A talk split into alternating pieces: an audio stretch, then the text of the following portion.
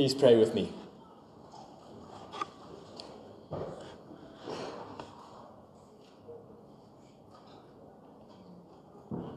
Loving and merciful God, we are still warm from your embrace. Thank you that through the sacrament we could not only hear your word, but also see it in action.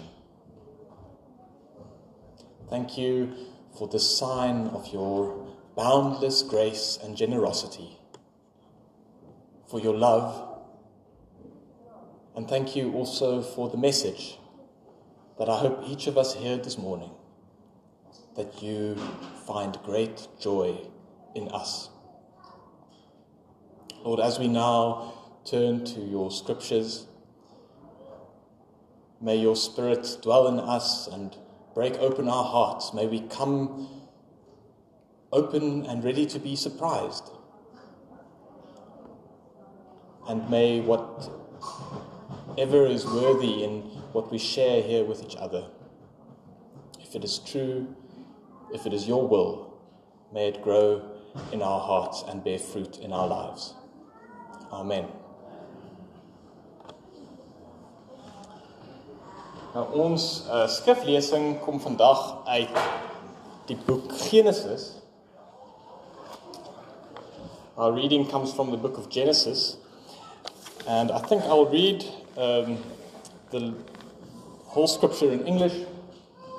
Um, kom ons kyk gou wat is op die bord, is dit Afrikaans?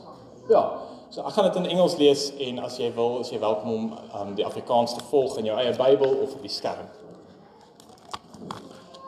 So we read from Genesis chapter 9, verse 8 to 17. Then God said to Noah and to his sons with him, I now establish my covenant with you and with your descendants after you, and with every living creature that is with you the birds, the livestock, and all the wild animals, all those that came out of the ark with you, every living creature on earth. I establish my covenant with you. Never again will all life be cut off by the waters of a flood. Never again will there be a flood to destroy the earth. And God said, This is the sign of the covenant I am making between me and you and every living creature with you, and a covenant for all generations to come. I have set my rainbow in the clouds, and it will be the sign of the covenant between me and the earth.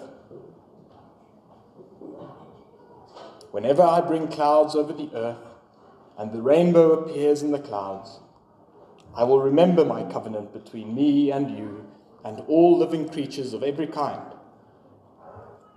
Never again will the waters become a flood to destroy all life. Whenever the rainbow appears in the clouds, I will see it and remember the everlasting covenant between God and all living creatures of every kind on the earth. So God said to Noah, This is the sign of the covenant I have established between me and all life on earth.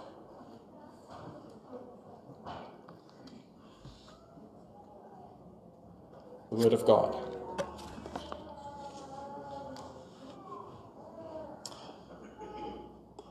Now, if you stopped um, somebody randomly in the street and asked them to name one story from the Old Testament, chances are the story of Noah will be somewhere on the top of the list. We learn about Noah in Sunday school and he pops up in everything from Hollywood movies. Um, I think, what's it, Evan Almighty is the one story. And I think more recently there was another story as well called The Flood. I, can't remember if it's, but there are a number of movies. And, um, and I don't know, I think, is it History Channel? If you watch it every other week, you find people, um, mostly people who uh, are fundamentalist in their reading of the Bible, going in search of pieces of the ark on some mountaintop in Turkey. Perhaps I should start by saying what storytellers of old used to say by way of introduction around the fireplace. I don't know if it happened that way, but I know it's true. I don't know if it happened that way, but I know it's true. By which I mean that the story of the flood and Noah and the ark cannot be accounted for historically. But nevertheless, it can communicate a profound truth about God and humanity and the world. Some truths are best communicated by way of stories, which is, of course, why Jesus preferred teaching through parables rather than lectures.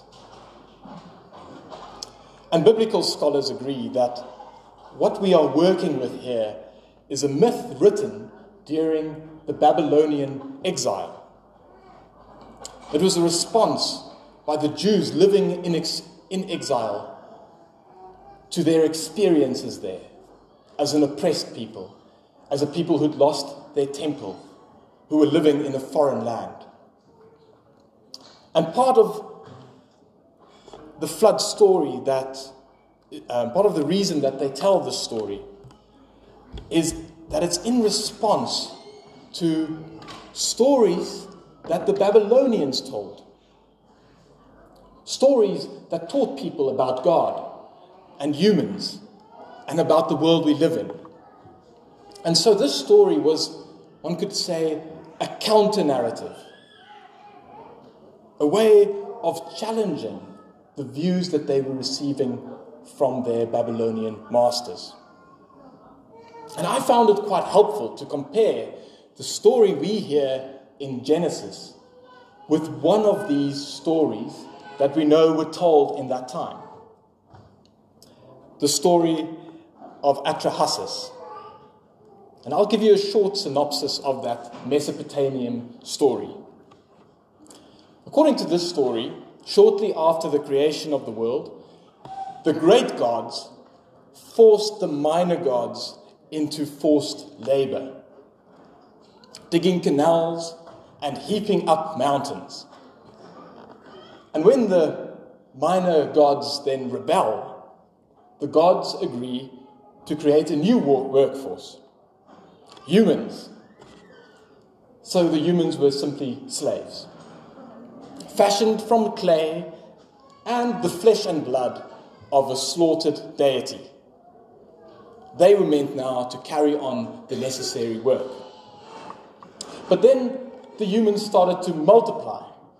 It's as if there was a bug in the system that, they, that the gods didn't foresee, uh, which is our fertility.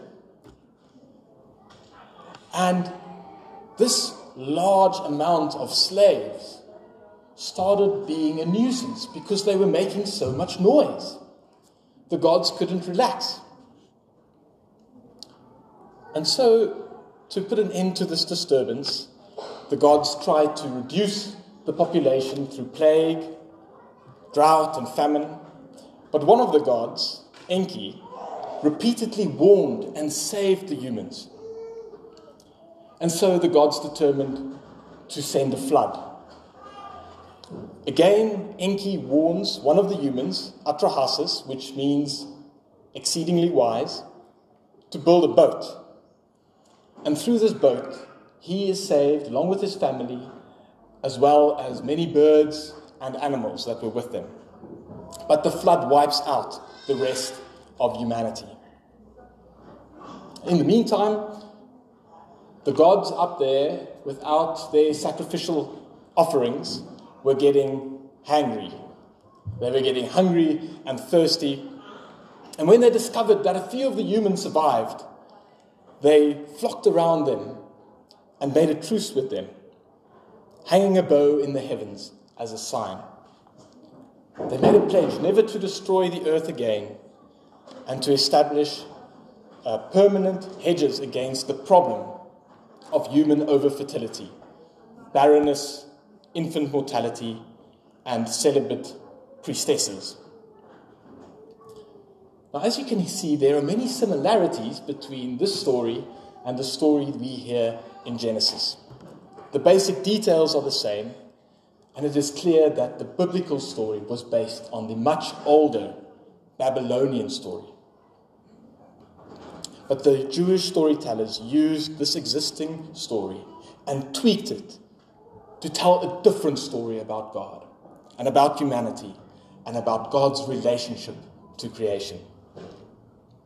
Let me point out some of these differences. In the Atrahasis epic, humans were a by the way solution to the problem of labor. But in Genesis, humans were part of God's loving intention from the very beginning. In the Atrahasis story, humans are created through an act of violence. In the Genesis story, God also forms humans out of clay. But he animates humans by blowing his own breath into them. While the Mesopotamian gods arbitrarily dislike the unforeseen human function of multiplying, the God of Genesis blesses humans and actually commands them to be fruitful. And then we get the flood story itself. The Mesopotamian gods send the flood as population control and as a solution for these slaves getting too rowdy. But God's intentions are way different. In an earlier section that we didn't read this morning, we read that the Lord saw how great was the evil of humans on the earth. Because every impulse conceived in their hearts was evil all the time. And the earth was brought to ruin before God. And the Lord was sorry that he had made humankind on the earth, and it grieved him to his heart. How different from the selfish irritation of the Mesopotamian gods. This wasn't an irrational outburst of anger, it wasn't revenge. It is grief and a broken heart that leads God to want to start anew. And we are invited to feel what God feels when the ruinous behavior of humans ruin God's creation. When humans fail to live up to their proper calling as the image of God, to live in peace, to care and cultivate creation as God's partners. And I guess we have to admit that God must be grieving in these days. God's grief is an invitation into God's passion for people and for the earth. Sure, God becomes angry, and maybe that unsettles us. But God becomes angry because God cares, because we matter, because how we live and what we do and how we care for the earth matters. Now, after the flood subsided, of course, human violence and evil returns. And you would think that God might order another round of cleaning up, another great flood. But you would be wrong. This time, God's grief does not translate into large scale annihilation. Instead, it translates into something completely new and unexpected. God has a change of heart. The text literally says God spoke to God's own heart. Again, we're let into God's feeling of grief and regret. However, this time, God does not regret making humans, God regrets destroying them. Never again, God says. You see, God's plan to rid the world of sin and violence by wiping out all the bad people failed. It turns out that even God cannot eradicate violence through the use of violence. And so God changes. God repents. In the face of stubborn human obstinacy and our intractable habit of going our own way, God disarms. God promises, Never again will I wipe out what I have so lovingly invented and created, even though what I have invented so very often breaks my heart. And as a reminder of this pledge, I ask you to look to the sky. You see, the rainbow is actually God's war bow. When warriors in days of old wanted to signal to their enemies that they wanted peace, they would take their bow and take the string out of it, turn it facing the heavens, and hold it up as a sign of peace. An unstrung bow cannot cause any harm. God says, as a reminder to me and to you, my technicolor bow is now and forever will be unstrung. It is now and forever will be pointed toward the sky, away from you, away from the earth.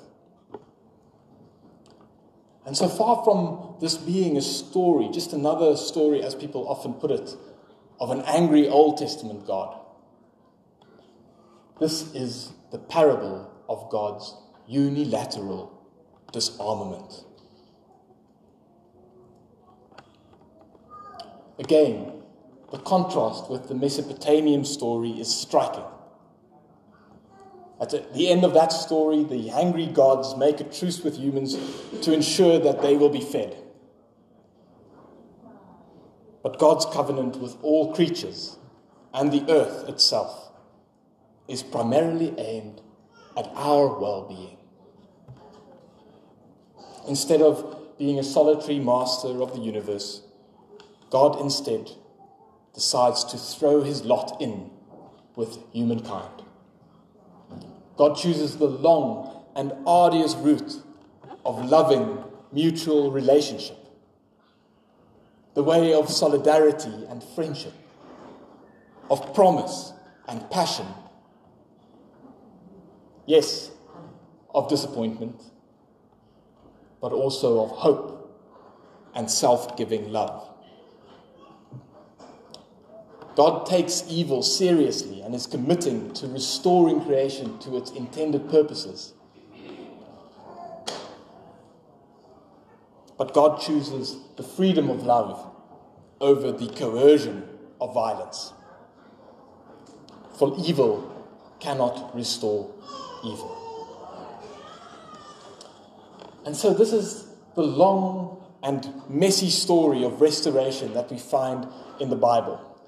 And if you follow this trajectory through the Bible, you will find its fullest expression in Jesus on the cross, crying out, Father, forgive them, for they know not what they do.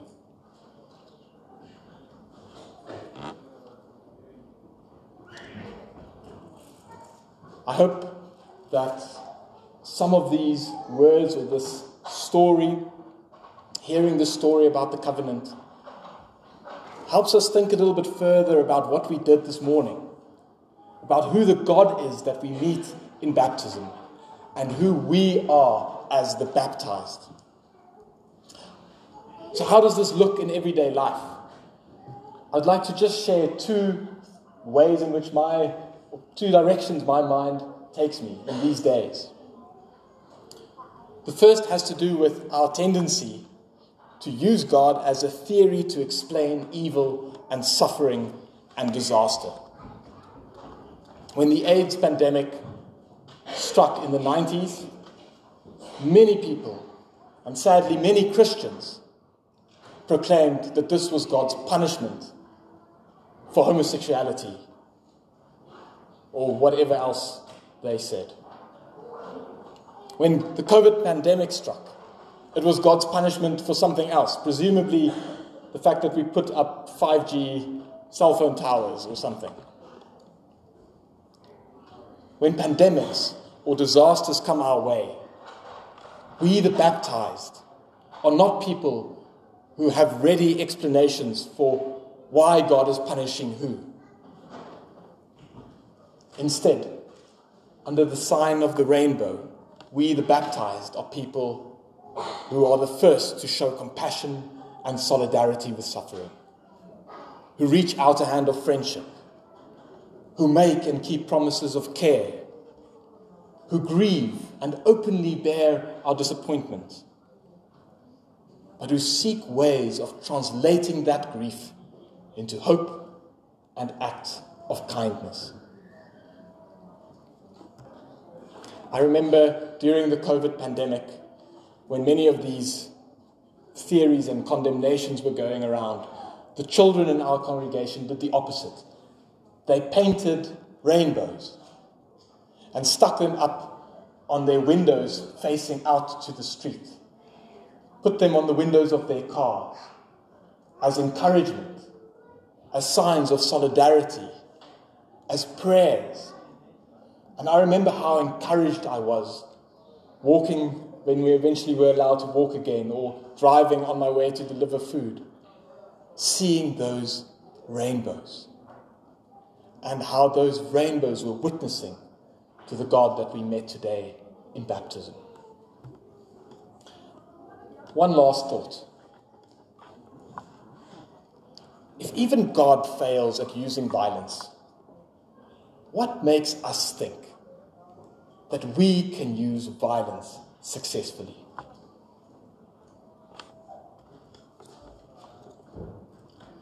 This story is a serious challenge to a modern myth that has captured so many hearts and minds and governments and nations in our time. And the myth is that the only way to stop a bad guy with a gun is a good guy with a gun. But if even God fails at using violence, what makes us think that we can do a better job? God wouldn't need to destroy the earth. We are quite capable of doing it ourselves.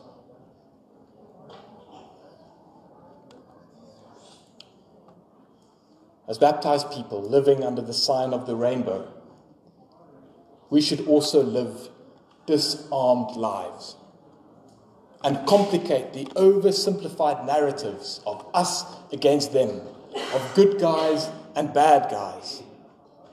Because terror begets terror, and violence begets violence. What does solidarity and the long, arduous route of building just partnerships of mutual trust beget. It might get you crucified, but it is worth a try. And, it is, and isn't this the way that we, the baptized, are called to follow in this time of Lent? I want to invite us into a time of prayer and reflection.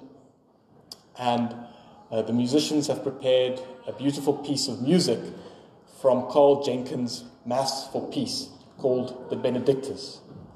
And I think if you could translate the technicolored rainbow into music, this is what, the, what I think you would get.